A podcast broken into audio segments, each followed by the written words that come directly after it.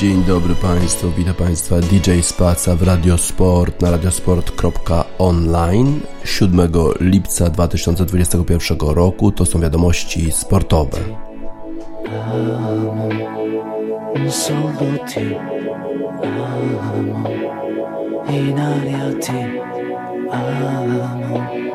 Se viene testa vuol dire che basta, lasciamoci ti amo, io sono ti amo, in fondo un uomo che non ha freddo nel cuore nel letto, comando io ma tremo davanti al tuo seno, ti odio e ti è una farfalla che muore sbattendo le ali, l'amore che a letto si fa. Prendimi l'altra metà, oggi ritorno da lei. Primo maggio, su coraggio io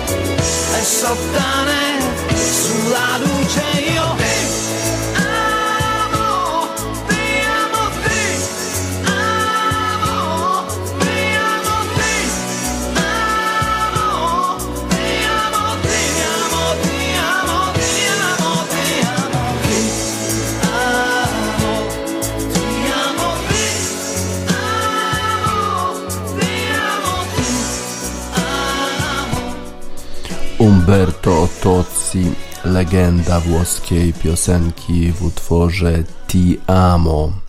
Kochamy taką Italię, tak grających Włochów. Rzeczywiście pokazali w tym turnieju Euro 2020 niebywałą formę, niebywałą y, skłonność do y, takiej kombinacyjnej y, gry, która przynosi rezultaty, a jednocześnie bardzo nas cieszy. Cieszy oko po prostu tego typu rozgrywanie akcji. Wczoraj zespół Włoch zmierzył się z Hiszpanią w półfinale Euro 2020 na stadionie Wembley o y, awans do wielkiego finału, a tam być może Anglia, a być może jednak y, Dania. Włosi niezmieniony skład, Federico Chiesa w ataku, Lorenzo Insigne i y, Ciro Immobile, a w środku Marco Verratti. No nie mógł grać Spinazzola, który zerwał ścięgno Achillesa i w związku z tym nie był dostępny, ale Emerson zastąpił tego zawodnika i zastąpił go dobrym skutkiem. Jorginho w środku pola oczywiście bardziej defensywnie zorientowany pomocnik zespołu włoskiego, no i w obronie wiadomo Chiellini, wiadomo Bonucci i wiadomo Di Lorenzo z Napoli. A jednak to Hiszpanie mieli więcej do powiedzenia w sumie w trakcie tego spotkania. Co prawda nie był Alvaro Moraty. Podobno dlatego nie zdecydował się na ustawienie tego zawodnika w pierwszym składzie e, Luis Enrique, że zobaczył jak e, radzili sobie Włosi z taką klasyczną dziewiątką w postaci Romelu Lukaku, e, który słabo sobie radził z Kielinim i z Bonucci. W związku z tym wystawił młodziaka Oyarzabala w składzie, no ale chyba to nie, nie przyniosło takiego efektu, jaki się spodziewał Luis Enrique. Co prawda Hiszpania Hiszpania dominowała w sumie, jeżeli chodzi o posiadanie piłki, rozgrywanie, miała też więcej okazji, no ale jednak brakowało tego doświadczenia pod bramką i Oyarzabal nie potrafił wykorzystać okazji, które generowali mu koledzy. Świetnie za to grał Dani Olmo.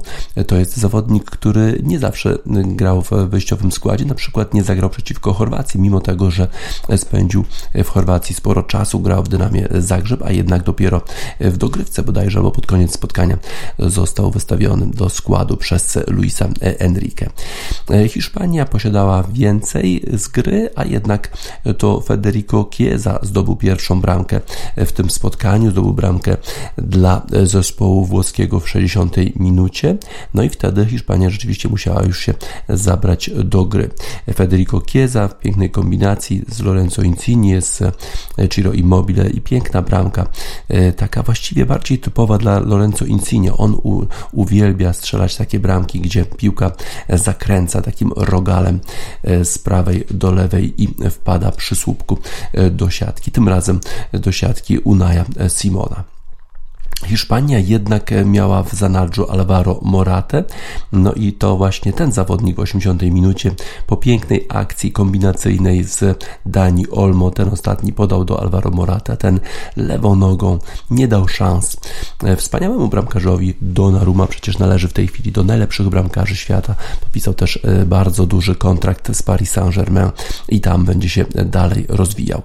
Hiszpania potem wydawało się, że ma większe szanse, żeby zakończyć to spotkanie w regulaminowym czasie swoim zwycięstwem, ale tak się jednak nie stało. Włosi umieją bronić dobrze i może właśnie wtedy e, fakt, że nie było Spinazzoli, ale był Emerson, e, to pomogło zawodnikom e, włoskim, ponieważ oni byli, Emerson jest dużo lepszy, jeżeli chodzi o dośrodkowanie. W związku z tym Hiszpanie, jeżeli stosowali tego typu zagrania, to musieli się liczyć właśnie z interwencjami zarówno Kieliniego, jak i Bonucciego, ale również Emersona, który grał bardzo dobrze e, w defensywie. W związku z tym e, trzeba było jednak e, rozegrać dogrywkę. Dogrywka to nie jest nic niezwykłego, jeżeli chodzi o, o turnieje Euro 2020. Tym razem również Hiszpanie mieli więcej z gry. Wydawało się, że mogą zrobić to samo co z Chorwacją, kiedy w dogrywce właśnie zdobyli dwie bramki i nie grali, nie strzelali rzutów karnych, chociaż Hiszpania już miała doświadczenie rzutu, jeżeli chodzi o wykonywanie rzutów karnych, bo przecież w poprzedniej rundzie pokonała Szwajcarię właśnie e, po rzutach karnych, ale wydawało się, że to właśnie Włosi czekają na te rzuty karne. Wydaje się, że oni byli e, spokojniejsi, e, jeżeli chodzi o wykonywanie tych stałych fragmentów gry, w szczególności Kielini, kapitan tego zespołu, widać było bardzo zrelaksowany po całym tym spotkaniu i po dogrywce. Obejmował jeszcze Jordi Albe, śmiał się i wygrał jeszcze losowanie i okazało się, że rzuty karne będą strzelać zawodnicy na stronę y, stadionu, gdzie siedzą kibice włoscy. A przypomnę, że kibice z poza Wysp Brytyjskich właściwie nie mogli przyjechać na to spotkanie, ponieważ musieliby przechodzić y, kwarantannę. W związku z tym y, tylko ci kibice Włoch i Hiszpanii, którzy mieszkają w Londynie i w okolicach, mogli na ten mecz przyjść. No i było, okazało się, więcej jednak diaspory włoskiej na tym spotkaniu. No i właśnie te rzuty karne były wykonywane na tę stronę, gdzie siedzieli kibice włoscy. No i tutaj od razu pierwszy rzut karny i pomyłka to zawodnik zespołu Sassuolo, Locatelli, który świetnie strzelił bramkę w poprzednich spotkaniach już zespołu włoskiego. Tym razem nie strzelił rzutu karnego, obronił Unai Simon, no ale Dani Olmo, który był chyba pewnie jednym z najlepszych zawodników zespołu hiszpańskiego, tak się podekscytował tym rzutem karnym, że przeniósł piłkę nad poprzeczką. Tak więc od razu na początku nie udało się trafić do bramki, no ale potem już Włosi radzili sobie z rzutami karnymi, a nie poradził sobie Alvaro Morata, ten, który poprowadził zespół w regulaminowym czasie do remisu, tym razem jednak strzelił w prawą stronę i bramkarz Donnarumma nie miał specjalnych problemów, żeby ten rzut karny obronić. A potem jeszcze Jorginho, to jest taki etatowy wykonawca rzutów karnych dla zespołu Chelsea, praktycznie się nie myli, robi te rzuty karne, wykonuje te rzuty karne w bardzo podobny sposób do Roberta Lewandowskiego. Ma taki, e, taką hopkę e, w czasie wykonywania tego rzutu karnego, e, co powoduje, że uderza trochę później niż tego się spodziewają bramkarze. Bramkarz rzucił się w swój prawy róg, a Jorginho strzelił w jego lewy róg. Nie było żadnych wątpliwości. Włosi awansują do finału Mistrzostw Europy 2020. Wszyscy oczywiście bardzo się cieszyli na boisku, no a 18-letni Pedri, który rozegrał wspaniałe spotkanie w drużynie Hiszpanii, no niestety zalał się łzami, dla niego to było za dużo. Z kolei Mancini spokojny, bo on wie, że jeszcze jest trochę pracy do wykonania, jeszcze trzeba pokonać w finale albo Anglię, albo Danię. Tak więc Włosi wygrali w tym spotkaniu z Hiszpanią po rzutach karnych. Hiszpania Hiszpanie być może mieli więcej szans w tym spotkaniu, ale jeżeli chodzi o cały turniej, to chyba jednak Włosi spisywali się w tym turnieju lepiej i być może zasłużenie e, awansowali e, do finału Euro 2020. Guardian podsumowując e, spotkanie pomiędzy Włochami a Hiszpanią daje noty poszczególnym zawodnikom no i według Guardiana Donnarumma zasłużył na siódemkę, no na pewno obrona rzutu karnego to tę ocenę na pewno podniosła. Giovanni Di Lorenzo siódemka, Bonucci siódemka, Chiellini również siódemka, e, Emerson szóstka, e, ale przecież dobrze spisywał się. Być może nie daje tyle w ataku, e, co Spinazzola. Nicolo Barella raczej słabo grał wczoraj i jego e, błąd dał Torresowi e, szansę w pierwszej połowie. E, no i generalnie jakoś chyba odstawał od reszty zespołu. Dali mu analitycy Guardiana szóstkę, Jorginho siódemkę, bo przecież wykorzystał ten rzut karny, który dał awans Włochom do finału. Marco Verratti jak zwykle świetny, jak zwykle kontrolujący wydarzenia na boisku siódemka, Federico Chiesa ósemka, bo piękna bramka, Ciro Immobile no przynajmniej nie przyniósł wstydu, tak jak w spotkaniu z Belgią, kiedy e, przewrócił się, krzyczał, że coś go boli i tak dalej. Wtedy Włosi strzeli bramkę, a jak już się okazało, że e, ta bramka jest zdobyta, to Ciro Immobile nagle ozdrowiał. Lorenzo Insigne zasłużył według Guardiana na ósemkę. Jeżeli chodzi o zawodników hiszpańskich, e, to Unai Simon, siódemka, Cezar Aspilicueta, szóstkę, został zastąpiony przez e, Jorentę, zresztą e, tych zmian w obronie było sporo. Emeryk Laporte ósemkę dostał od Guardiana, Eric Garcia siódemkę, Jordi Alba siódemkę, Koke siódemkę, Sergio Busquets siódemkę. Miał szansę w pierwszej połowie, żeby strzelić bramkę, ale jego, jego strzał był nad poprzeczkę i taki dosyć słaby strzał. Pedri siódemka, osiemnastolatek, Mikel Oyarzabal dostał szóstkę, miał sporo okazji, ale ich nie wykorzystał. Dani Olmo ósemkę, pewnie najlepszy zawodnik na boisku. Alvaro Morata pewnie dostałby ósemkę, gdyby strzelił karnego, gdyby poprowadził Hiszpanię jednak do finału, a tak to strzelił bramkę wyrównującą, no ale nie trafił z rzutu karnego. Gerard Moreno też y, wszedł na boisko za Ojarzabala i 6 y, y, szóstkę dostał od analityków Guardiana. Rodri szóstkę, Marcos Llorente szóstkę, Thiago Alcantara bardzo słabo grał ten zawodnik, zupełnie jakoś bez formy zawodnik e, Liverpoolu, ale karnego strzelił bez żadnego problemu. Pau Torres wszedł za Garcia do obrony. No i w sumie e, miał, e, miał udział przy, przy tym, jak, jak Włosi nie zdobyli bramki po strzale Berardiego, bo on właśnie go blokował. Tak więc zespół Włoch jest w finale finale już Euro 2020. Natomiast Hiszpanie, cała Hiszpania zalała się łzami, ale na pewno myśli o tym zespole ciepło, bo w sumie dali zawodnicy Luisa Enrique sporo, sporo takich miłych chwil i rzeczywiście Luis Enrique buduje z tych młodych zawodników nową drużynę Hiszpanii, która może dać jeszcze wiele radości kibicom tego zespołu. Piensa en mi, Luz Casal to dla Luisa Enrique i jego młodych zawodników hiszpańskich, którzy świetnie spisali się w sumie w Euro 2020, dochodząc aż do półfinału.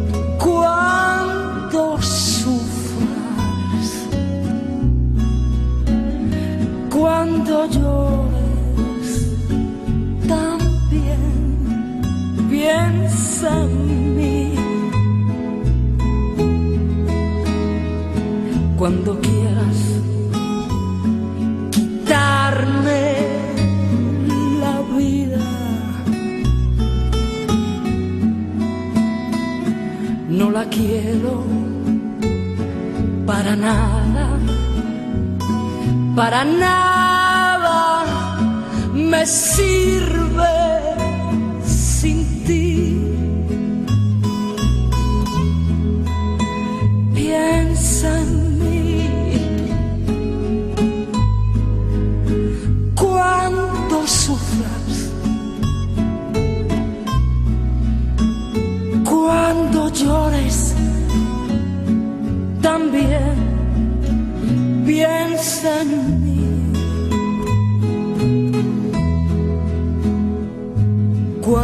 quieras quitarme la vida. No la quiero para nada, para nada me sirve.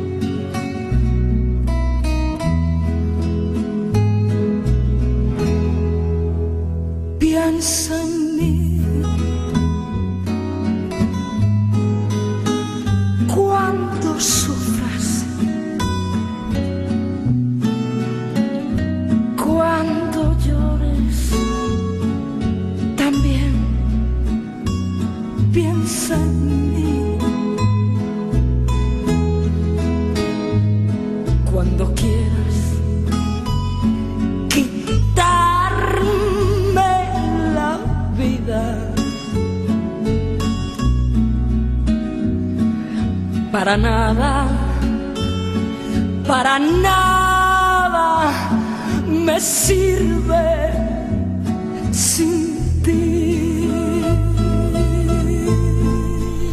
Luz Casal utworze Piensa en mi Luz Casal śpiewa Piensa en mi cuando sufras, cuando llores también piensa en mi. Myśl o mnie, kiedy cierpisz, kiedy płaczesz, również o mnie pomyśl.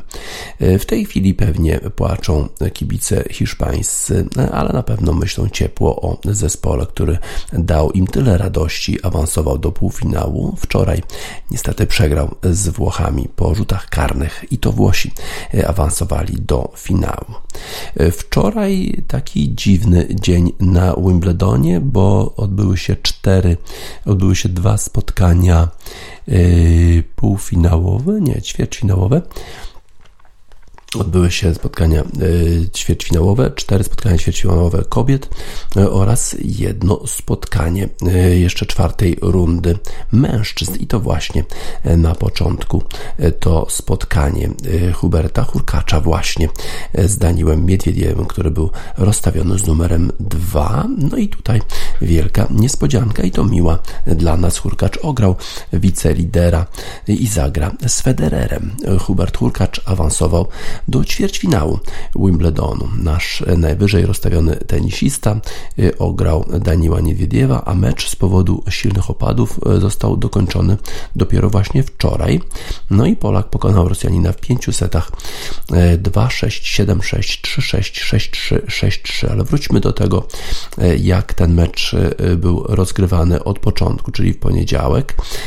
Hubert Hurkacz raczej słabo rozpoczął to poniedziałkowe spotkanie, bo już w trzecim gemie był zmuszony bronić breakpointy. No i potem jednak faworytowi udało się przełamać e, naszego zawodnika i mm, objął prowadzenie 2 do 1. Potem wygrywali zawodnicy swoje serwy, no ale w siódmym gemie Miedwiediew znów przełamał e, Hubiego i już wygrał pierwszego seta. Drugi set z kolei to był taki bardzo zacięty pojedynek obu tenisistów. Gra toczyła się gem za gem. Polak i Rosjanin pewnie serwowali przez 8 gemów i na tablicy e, pojawiła, nawet nie pojawiła się ani jedna równowaga. Dopiero w dziewiątym gemie Miedwiediew miał szansę prowadził 30 do 0, potem jeszcze była równowaga, ale Hubert Hurkacz e, wyszedł z tej opresji i wygrał Gema. Dało mu to rezultat 5 do 4, a potem w tiebreaku od stanu 2 do 2 wygrał 5 piłek z rzędu nasz zawodnik i w ten sposób doprowadził do e, remisu w pojedynku w setach. Natomiast Niestety nasz zawodnik po wygraniu tego tiebreaka e, jakoś nie za bardzo e, grał dobrze, bo trzecią partię rozpoczął słabo, e, przełamał Rosjanie od razu w pierwszym gemie i wyszedł na prowadzenie 3 do 0. No i te wydarzenia miały wpływ na rezultat w tym, w tym właśnie bo tak doświadczony zawodnik jak Miedwiediew nie wypuścił swojej szansy i wygrał tego seta 6 do 3. W czwartym secie gra była, była, odbywała się podobnie jak w drugim secie, czyli gem za gem, no a potem przy stanie 4 do 3 e, trzeba było przerwać rywalizację. No i ten mecz był dokończony wczoraj jako pierwszy na korcie centralnym o 14.30 naszego czasu i nasz zawodnik świetnie wznowił e, ten mecz, bo od razu przełamał Rosjanina, wyszedł na prowadzenie 5 do 3 i potem serwował, żeby wygrać seta i to zrobił. W związku z tym była już był stan spotkania 2 do 2 w setach, a w decydującym secie Hurkacz grał e, bardzo, bardzo dobrze. Widać było, że ta przerwa e, jednak dobrze mu zrobiła, wyraźnie może popracował jeszcze z trenerem Boyntonem, bo Polak błyskawicznie przełamał rywala, potem utrzymał e, prowadzenie, utrzymał podanie wychodząc na 3 do 1, potem prowadził jeszcze 4 do 2, 5 do 3, no i jeszcze w dziewiątym gemie Polak zaatakował i przełamał Miedwiediewa e, i sensacja stała się faktem. Polak awansował do ćwierćfinału na turnieju w Ledonie i to jest o tyle dziwne, że Hubert Hurkacz co prawda grał już świetnie w tym sezonie, bo przecież wygrał bardzo ważny turniej w Miami, turniej z cyklu Masters, ale potem jak przyjechał z powrotem do Europy, to praktycznie nie potrafił wygrać nawet spotkania. Grał w Monte Carlo, bardzo słabo grał również w Madrycie, no i na Roland Garros też w pierwszej rundzie odpadł. A tutaj proszę, taka niespodzianka i będziemy mieli dzisiaj grającego Huberta Hurkacza na Wimbledonie przeciwko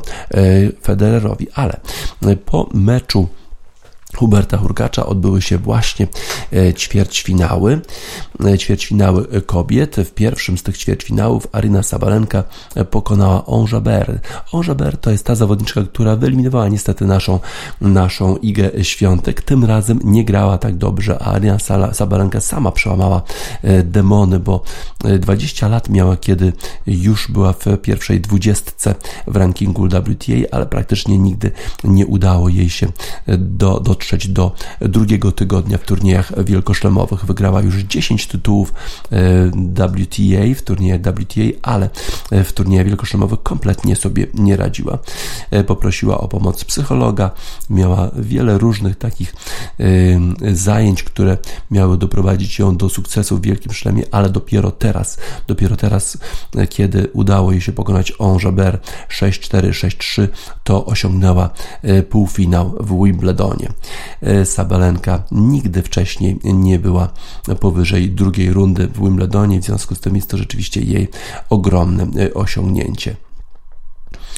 Sabalenka powiedziała, że po każdym turnieju wielkoszlemowym byłam tak niezadowolona ze swojego występu, że zaczęłam myśleć, czy w ogóle jestem w stanie grać pod presją, czy jestem w stanie wytrzymać takie obciążenie. Pomyślałam, że właściwie nigdy nie uda mi się dotrzeć do drugiego tygodnia. W związku z tym pracowałam bardzo dużo z moim psychologiem i z moim trenerem. Pracowaliśmy naprawdę bardzo, bardzo dużo i jestem szczęśliwa, że tutaj w Wimbledonie gram w tym drugim tygodniu. Jestem jeszcze cały czas w turnieju i mam nawet okazję, nawet szansę wygrać e, cały turniej wielkoszlemowy. Oczywiście zrobię wszystko, żeby osiągnąć ten cel. E, tak więc e, Sabalenka przełamała swoje demony. Z kolei jeżeli chodzi o Jaber, no to dla niej to oczywiście jest również występ życia, bo przecież po raz pierwszy jako pierwsza kobieta z Afryki, z pierwsza Arabka wygrała turniej z cyklu WTA wcześniej w Birmingham i jako pierwsza Arabka awansowała e, do e, ćwierćfinału turnieju wielkoszlemowego, a teraz w ogóle jako pierwsza osoba e, z kręgu północnoafrykańskiego, z kręgu arabskiego awansowała do ćwierćfinału turnieju wielkoszlemowego.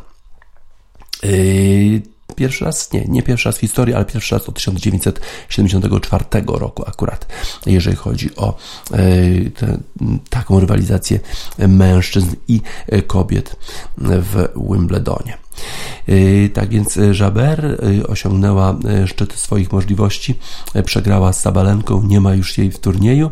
Sabalenka w następnej rundzie w półfinale będzie grała z Kariną Pliszkową, która rozstawiona jest w Wimbledonie z numerem 8, która również miała swoje problemy w tym sezonie, a w szczególności przypominamy sobie ten jej występ w finale turnieju w Rzymie, kiedy przegrała z naszą Igą Świątek 6-0, 6-0.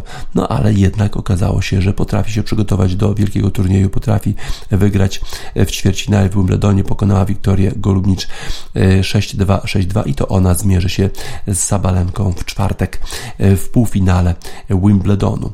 Oczywiście znaczy to dla mnie bardzo dużo, powiedziała Pliszkowa, e, szczególnie po takim dosyć słabym sezonie, wielu tygodniach, w którym, w których grałam bardzo słabo, ale zawsze wierzyłam, że w którymś momencie znajdę swoją grę znajdę ten swój poziom. Jestem po prostu szczęśliwa, że to się udało zrobić właśnie w tych dwóch e, tygodniach. W związku z tym w ostatnim, w ostatnim y, turnieju, w ostatnim turnieju wielkoszlemowym y, nie grała w półfinale, w związku z tym jest bardzo szczęśliwa, że może teraz występować w półfinale. Oczywiście z Sabalenką nie będzie raczej faworytką Sabalenka rozstawiona z numerem 2 w turnieju w Wimbledonie. Y, dwa jeszcze pozostałe mecze rozegrane zostały wczoraj ćwierćfinałowe i Angelika Kerber. Ona będzie w półfinale. Angelika Kerber pokonała Karolinę Muchową telefonową 6263 Angelika Kerber, która mieszka w Puszczykowie koło Poznania. Tam ma bardzo dobre relacje ze swoją babcią i ze swoim dziadkiem. Ma też takie centrum tenisowe w Puszczykowie, więc można powiedzieć, że no oczywiście ma polskie korzenie i można powiedzieć, że jest e, zawodniczką, która mieszka w Polsce, która jest w półfinale. W półfinale Wimbledonu poradziła sobie z Karoliną Muchową. W szczególności jest to bardzo ważne dla niej, bo po 11 turniejach wielkoszemowych, w których w zasadzie, które minęły od czasu, gdy wygrała wygrała Wimbledon, y, ta zawodniczka nie potrafiła przejść pierwszej rundy aż 5 razy. No i jej ranking WTA spadł z numeru 2 na numer 28, ale jednak doświadczenie i jednak y, to, że grała już tutaj, że wygrywała, to znaczy oczywiście bardzo wiele i dzięki temu ta 33-letnia zawodniczka pokonała Karolinę Muchową, która ma też bardzo dobry sezon, bo przecież grała w półfinale Australian Open, więc jest przyzwyczajona do tego typu y, już występu, więc nie była to dla niej nowość. 6-2, 6-3 wygrała Angelika Kerber i w tej chwili zmierzy się w półfinale z Ashley Barty.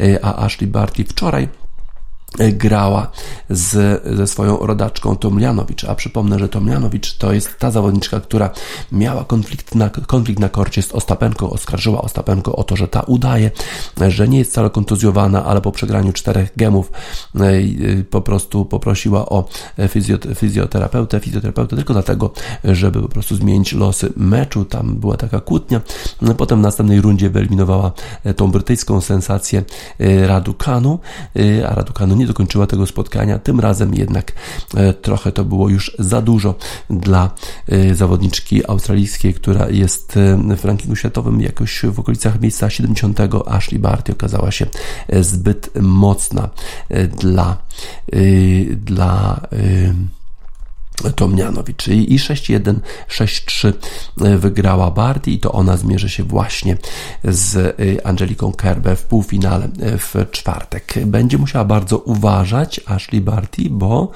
z pięciu spotkań, które rozegrała z Angeliką Kerber, przegrała chyba aż trzy spotkania, tak więc y, y, nie wiem, czy będzie taką pewną faworytką. Pewnie tak, no bo jednak rozstawiona z numerem jeden i numer jeden na świecie.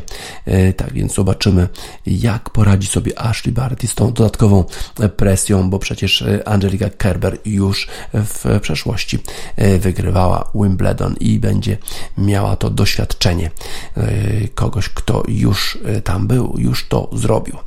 E, tak więc wczoraj bardzo ciekawe e, ćwierćfinały w turnieju kobiet. Dla nas bardzo przyjemna niespodzianka w postaci e, awansu Huberta Hurkacza do e, ćwierćfinału turnieju wielkoszlemowego, jakim jest Wimbledon. No i dzisiaj będziemy mogli śledzić, jak Hubert Hurkacz poradzi sobie w meczu z Rogerem Federerem. To będzie magia e, na pewno ze strony Rogera Federera. Mamy nadzieję, że również Hubert Hurkacz pokaże kilka magicznych zagrań. Dzisiaj wszystkie spotkania ćwierćfinałowe w turnieju mężczyzn. Zaraz e, zobaczymy, w jaki sposób to e, będzie się odbywać. O godzinie 14.30 na kort centralny wychodzi Nowak Dziokowicz, żeby spotkać się z Węgrem Fuszowiczem, e, a potem właśnie Roger Federer gra z Hubertem Hurkaczem. Z kolei na korcie numer 1 Kaczanow będzie grał z Szapowałowem, to już od godziny 14, a potem Berettini z Ożerem Aliasimem. Ciekawie zapowiada się dzisiejszy, e, dzisiejszy e, turniej w Wimbledonie, w szczególności na pewno magiczna gra, magika Rogera Federera. Mamy nadzieję, że również kilka magicznych zagrań pokaże Hubert Hurka, czyli to dla nich mamy utwór This is the Kid Was Magician.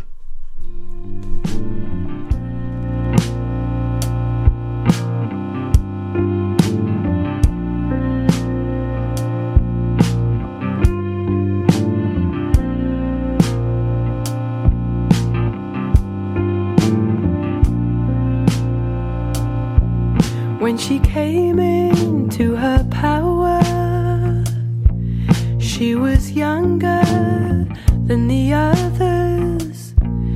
wasn't ready, slower learner.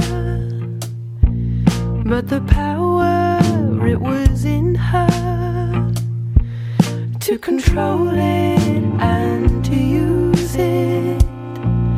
Wasn't easy, was confusing. Toppled over all the towers when she came into her power.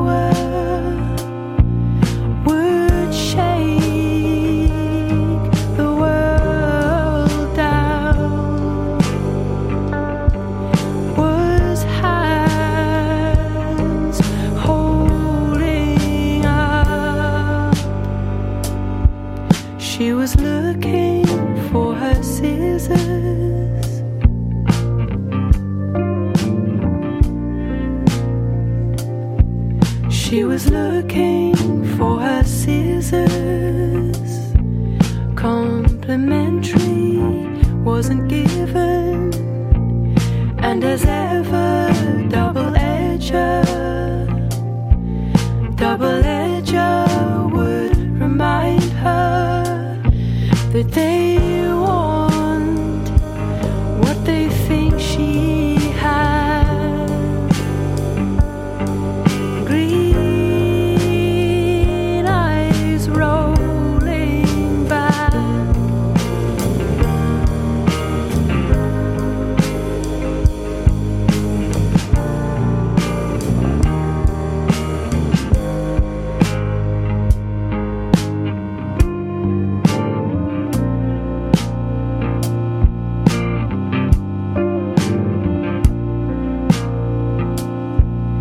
Was a wizard, was magician, was now the business of the young'uns.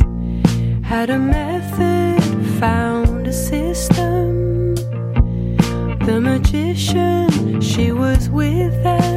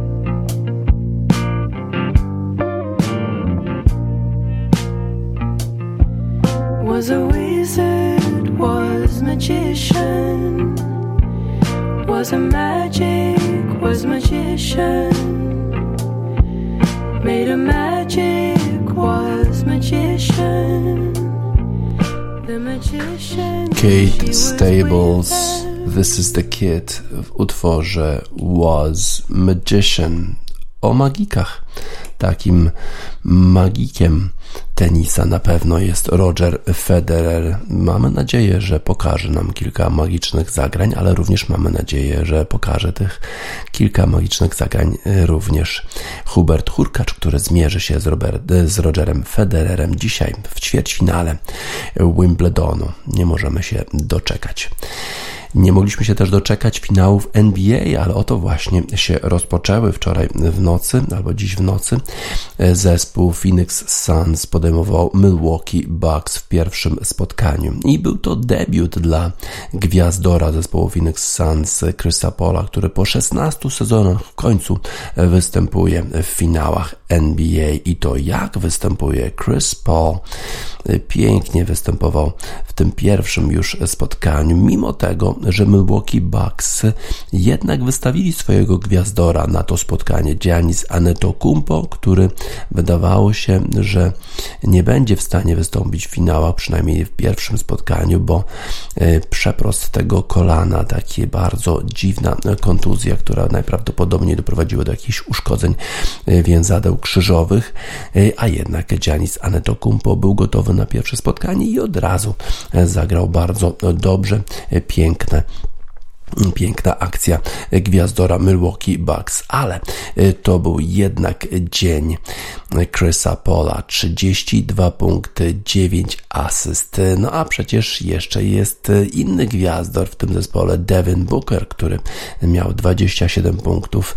No i y, mimo tego, że wrócił Giannis Antetokounmpo, to zespół Phoenix Suns pokonał w pierwszym spotkaniu Milwaukee Bucks 118 do 100 pięciu w pierwszym spotkaniu finałów NBA.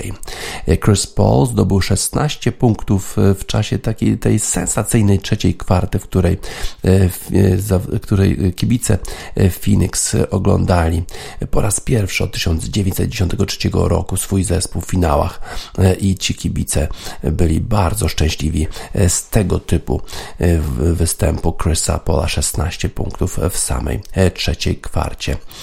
Budowali budowaliśmy y, naszą formę cały sezon na te właśnie momenty, tak powiedział Chris Paul. E, będziemy grać twardo, będziemy grać dalej, to tylko jeden mecz. Musimy pozostać skoncentrowani na naszym celu grał po raz pierwszy, jak powiedziałem, y, w finałach NBA, a to już 16 sezon.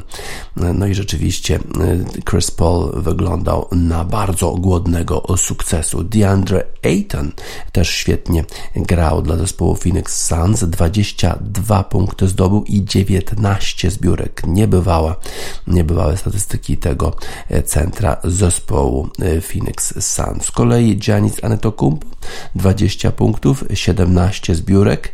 E, mimo tego, że stracił dwa mecze, to jednak wyraźnie był w dobrej formie. Chris Middleton 29 punktów dał swojemu zespołowi ale to nie wystarczyło, dał 29 punktów, 4 asysty, 7 zbiórek. Słabiej grał Drew Holiday, który podczas nieobecności Janisa Anetokumpo e, miał świetne statystyki, tym razem tylko 10 punktów, 9 asyst i 7 zbiórek. Brook Lopez zanotował dobry występ, 17 e, punktów, ale tylko 6 zbiórek, czyli przegrał tę walkę e, na tablicach z DeAndre Aytonem. Tak więc Phoenix Suns, pierwsze spotkanie mają już za sobą, wygrali, a nie grali w finałach NBA od czasu, kiedy Michael Jordan i Chicago Bulls dali zwycięstwo temu zespołowi e, w meczu numer 6 właśnie w Arizonie w 1993 roku. Jeszcze dłużej e, czekali e, zawodnicy czy kibice zespołu Milwaukee Bucks na występ swojego zespołu w finałach, bo do, od 1974 roku. Tak, więc może jeszcze Milwaukee coś tutaj ugra, bo przecież w poprzednich e, seriach e, w playoffach przegrywali e, kolejno każde swoje pierwsze spotkanie, więc są już przyzwyczajeni do tego typu sytuacji i na pewno nie poddają się bez walki. Tak więc następny mecz już jutro mecz numer dwa, a potem rywalizacja przenosi się do Milwaukee. No i Giannis Antetokounmpo zapewne już będzie w coraz lepszej formie, no bo przecież jednak ta przerwa dwóch spotkań, e, ta kontuzja, no ciekawe właśnie, jak poradziło sobie to jego kolano e, w czasie tego spotkania. Zobaczymy. Na razie to słońce zaświeciło dla Arizony, zaświeciło dla Phoenix. E, the Beatles, Here Comes the Sun. Phoenix Suns wygrali pierwsze spotkanie w finałach NBA z Milwaukee Bucks 118 do 105.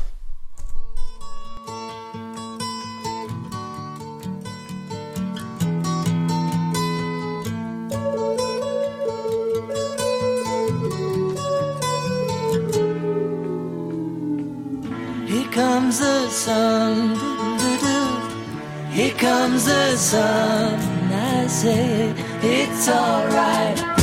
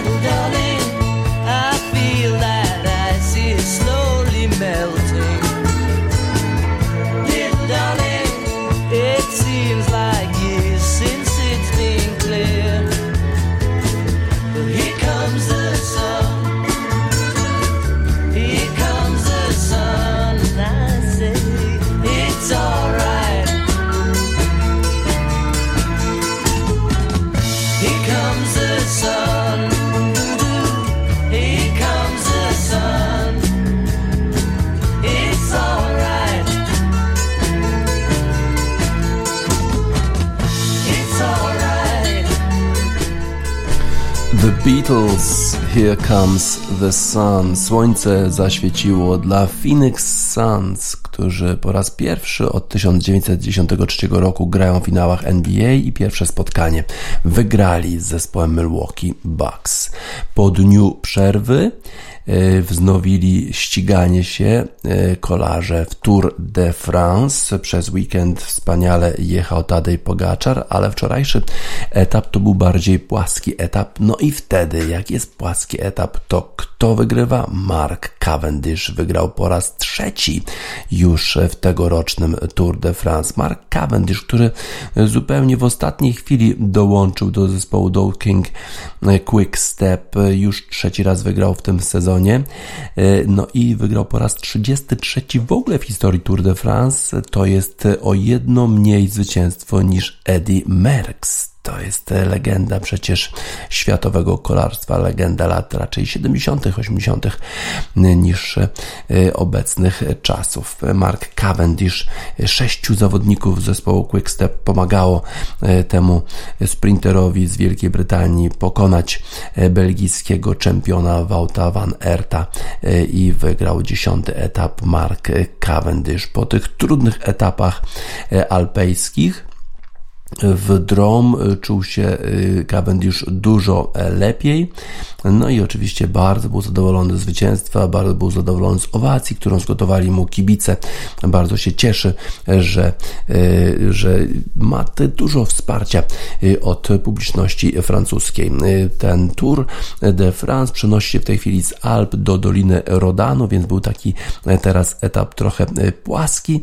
No i dało to szansę Cavendishowi. Powiedział powiedział y, Mark Cavendish, że y, przed y, startem tego turu zastanawiał się, miał wątpliwości, czy, czy jeszcze, czy nie jest za stary na to ściganie się. I na początku jak pierwsze 20 km przejechał, to pomyślał, no co ty chłopie robisz, przecież ci ludzie jeżdżą tak szybko, to jest po prostu coś niebywałego, no ale przyzwyczaiłem się do tej prędkości, no i wygrywam. Na razie nie chcę rozmawiać o tym rekordzie Eddie Merksa, ale to by była niebywała sprawa, gdyby Cavendish na przykład wygrał na polach elizejskich ten ostatni e, etap i w ten sposób wyrównał e, rekord Eddie Merckxa. Ciekawe, czy to się zdarzy, bo być może to jest już ostatnia szansa e, Marka Cavendisha, żeby ten rekord wyrównać, czy żeby ten rekord pokonać. Teraz już zaczynają się góry, no i będzie, będzie wyścig e, przebiegał przez Mont Ventoux i zobaczymy jak kolarze sobie poradzą, w szczególności Tadej Pogaczar, który wydaje się być niebywale mocny w tym sezonie, do tego stopnia, że dziennikarze zaczynają powątpiewać w czystość jego organizmu i zaczynają stawiać pytania, e, czy pokaże te pliki, których widać jaką siłę generuje na rowerze, no ale on nie chce tego robić, ponieważ mówi, że to dałoby e, dodatkowe informacje dla jego konkurentów. Nie jest zobligowany kontraktowo, żeby to zrobić, natomiast twierdzi, że absolutnie jest czysty. Zobaczymy, jak to się okaże w przyszłości, bo znamy kilku takich kolarzy, którzy świetnie jeździli w przeszłości, e, a potem się okazało, że jednak oszukiwali. Oczywiście nie możemy zakładać, że to robi Tadej Pogaczar, e, ale takie wątpliwości dziennikarze mają. Y, Mark Cavendish jest y, nie, niebywały, niesamowity. Wygrywa już po raz 33 w Tour de France, a trzeci raz w tym sezonie. IMF Unbelievable dla tego właśnie kolarza.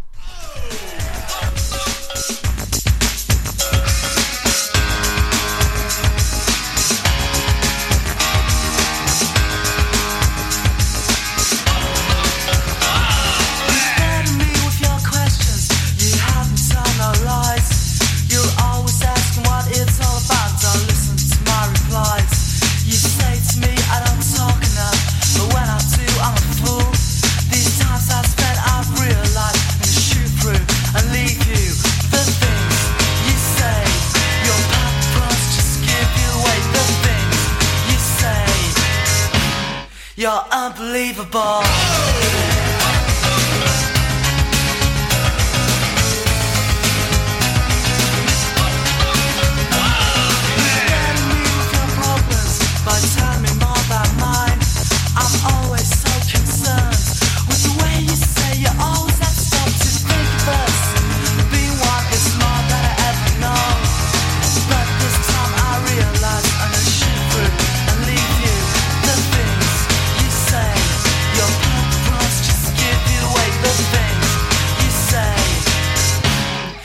Unbelievable.